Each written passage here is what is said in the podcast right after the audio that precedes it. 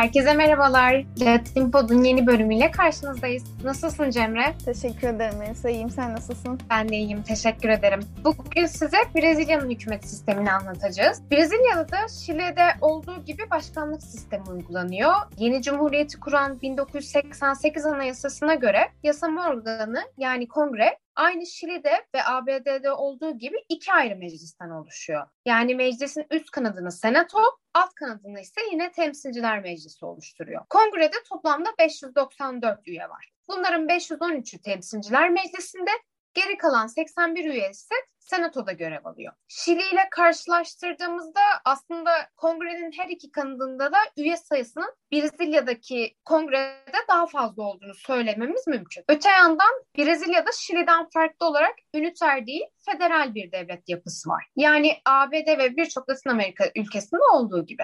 Ülkede 26 tane eyalet yer alıyor. Bu eyaletlere ek olarak bir de federal bölge bulunuyor. Biz bu federal bölgeye özel bölge de diyebiliriz. Çünkü bu bölge Brezilya'nın başkentini de kapsıyor. Ayrıca anayasanın 46. maddesine göre de senatoya seçilecek üyeler 26 eyaletin yanı sıra federal başkentten de seçiliyor. Nasıl her eyalet 3 senatör gönderiyorsa bu özel bölgeden de 3 senatör seçiliyor. Anayasanın 44. maddesi de Temsilciler Meclisi üyelerini eyaletlerin nüfus yoğunluğuna göre seçilmesini öngörmüş. Yani senatoya seçilecek üyeler gibi 3 ya da 4 gibi belirli bir sayıyı öngörmemiş. Eyaletler nüfus sayılarına bağlı olarak meclisin alt kanadına 8 ila 70 kişi arasında temsilci gönderebilir. Yani ne 8'den az ne de 70'ten fazla olacak. Brezilya'da kongrenin her iki kanadında ana görevi yasa yapmak ve birbirlerinin çıkardığı yasaları revize etmek. Şöyle bir örnek verebiliriz.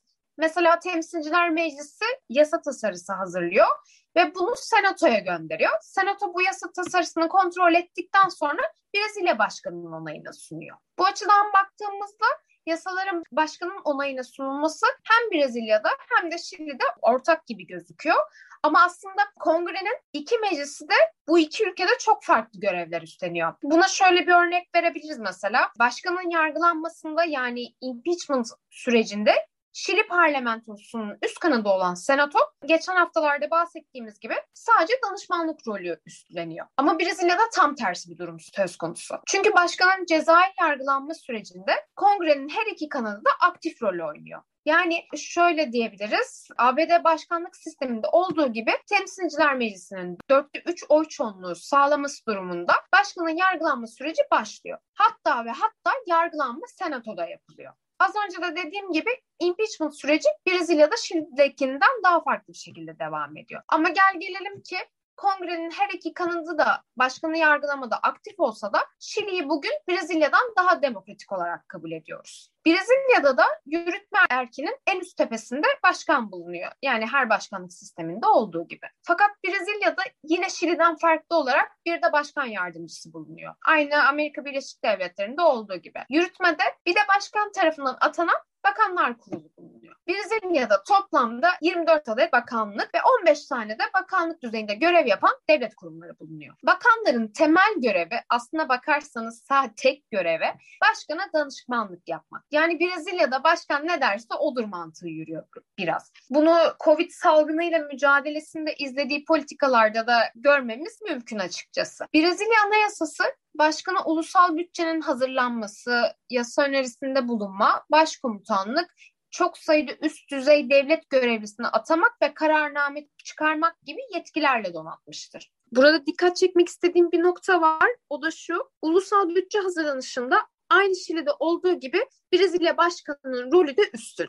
Yani kongre bu konuda biraz geri planda kalıyor. En üst mahkeme tıpkı ABD'de ve Şili'de olduğu gibi yüksek mahkeme. Bunda hemfikiriz. Mahkeme hem federe hem de federal düzeyde yasaların ve kararnamelerin anayasaya uygunluğunu denetmekle yükümlü 11 üyeden oluşuyor. Ve tabii ki bu üyelerin tamamı başkan tarafından seçiliyor. Senatoda onaylarsa göreve geliyorlar. Yalnız Şili'den farklı olarak Brezilya'da bir önemli yargı makamı daha bulunuyor. O da temiz mahkemeleri olan Yargıtay. 33 yargıcıyla bu mahkeme diğer alt yargı makamlarının kararlarını temyiz etme görevine sahip. Şimdi sözü Cemre'ye bırakıyorum ben. Teşekkür ederim Melisa. Ben de Brezilya'nın seçim sisteminden bahsedeceğim bugün. Az önce Melisa'nın söylediği gibi Brezilya 1988 Anayasası'nı kullanıyor. Yani elbette bazı değişiklikler oldu günümüze gelene kadar. Yine de temelin 88 Anayasası olduğunu söylemeye çalışıyorum. Şu an kullanılan anayasanın 14. maddesine göre 18 yaşın üstündeki herkes için seçimlere katılım zorunlu. Bu bir görev ve bu zorunluluk yurt dışında yaşayan vatandaşlar için de geçerli. Ve aynı maddede başka bir düzenleme daha var. Buna göre de bazı gruplar için seçimlere katılım isteğe bağlı. Peki kim bu gruplar?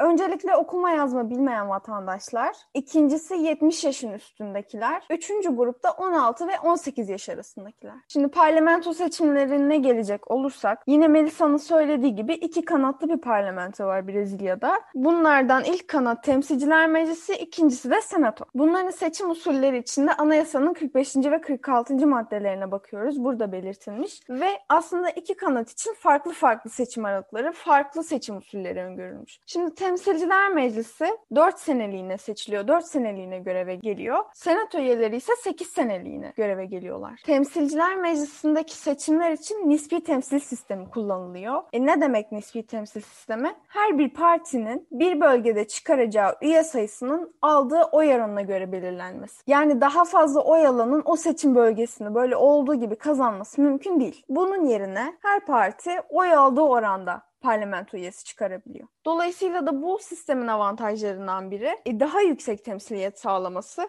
Çünkü özellikle hani o ülkede baraj yoksa ya da diyelim işte düşük bir baraj öngörülmüşse sizin oy verdiğiniz parti çok az ay olmuş olsa dahi mecliste üye bulundurma şansı doğmuş alıyor o parti için. Dolayısıyla siz de bunun verdiği rahatlıkla küçük bir partiyi destekliyor da olsanız ona gidip oy verebiliyorsunuz. Sistem böyle işliyor Brezilya'da. Şimdi şöyle ilginç bir durum var. Bu az önce anlattığım sistemin izlendiği ülkelerde genelde partiler listeleri hazırlarlar. Seçmen olarak siz de gidersiniz partiye oy verirsiniz. Brezilya'da ise açık liste usulü var. Ne demek bu? Seçmenlerin sadece parti değil aynı zamanda adayları da oylaması demek. Yani açık liste usulü ile ilgili önemli mesele şu. Şimdi normalde tabii ki listelere girebilmek için ya da işte verilen listelerde daha üst sıralarda yer alabilmek için bu adaylar ya da aday olabilecek kişiler genelde partinin kurallarına göre davranıyorlar. Yani bu parti disiplini dediğimiz partinin kendi içinde kurduğu düzene olabildiğince ayak uyduruyorlar. Ama açık liste usulü olunca her biri seçilmek için yani vatandaş tarafından,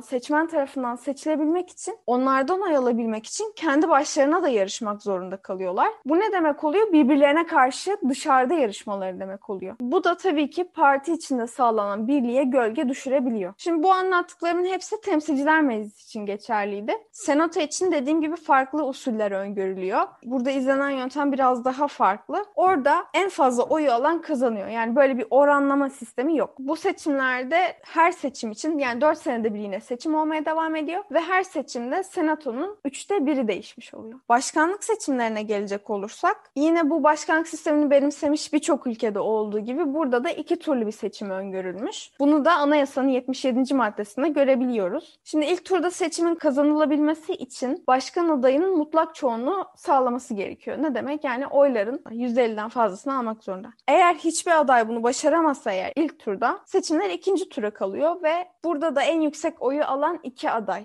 ikinci turda tekrar yarışıyor. Bu serinin ilk bölümünde aslında biraz bahsetmiştim Şili ile ilgili bölümümüzde. Bu iki turlu seçimlerin genelde maddi dezavantajları var. İkinci bir seçimi organize etmenin zorluklarından kaynaklanan dezavantajlar. Ama ilk turda bir adayın seçilmesini çok da kolaylaştırmamak lazım. Çünkü seçmenlere o ikinci şansı verebilmiş olmak önemli. Son olarak yine anayasanın aynı maddesine göre ikinci turun düzenlenmesi de ilk turdaki sonuçların açıklanmasının ardından izleyen ilerleyen ilk 20 günde yapılıyor. Seçim sistemine dair benim anlatacaklarım bu kadar. Şimdi parti sistemleri üzerine konuşması üzerine sözü tekrar Melisa'ya bırakıyorum. Teşekkür ederim. Cemre'nin de dediği gibi ben biraz Brezilya'nın parti sisteminden bahsetmek istiyorum. Çünkü Şili ile karşılaştırdığımız zaman Brezilya parti sistemi başkanın yasamak organında çoğunluğu kazanmasında oldukça önemli rol oynuyor. Nasıl önemli rol oynuyor? Şöyle ki Brezilya oldukça parçalanmış bir parti sistemine sahip. Yani partiler kendilerini genellikle siyasetin muhafazakar sağ, merkez ve sol eğilimler şeklinde konumlandırıyor. Her yerde olduğu gibi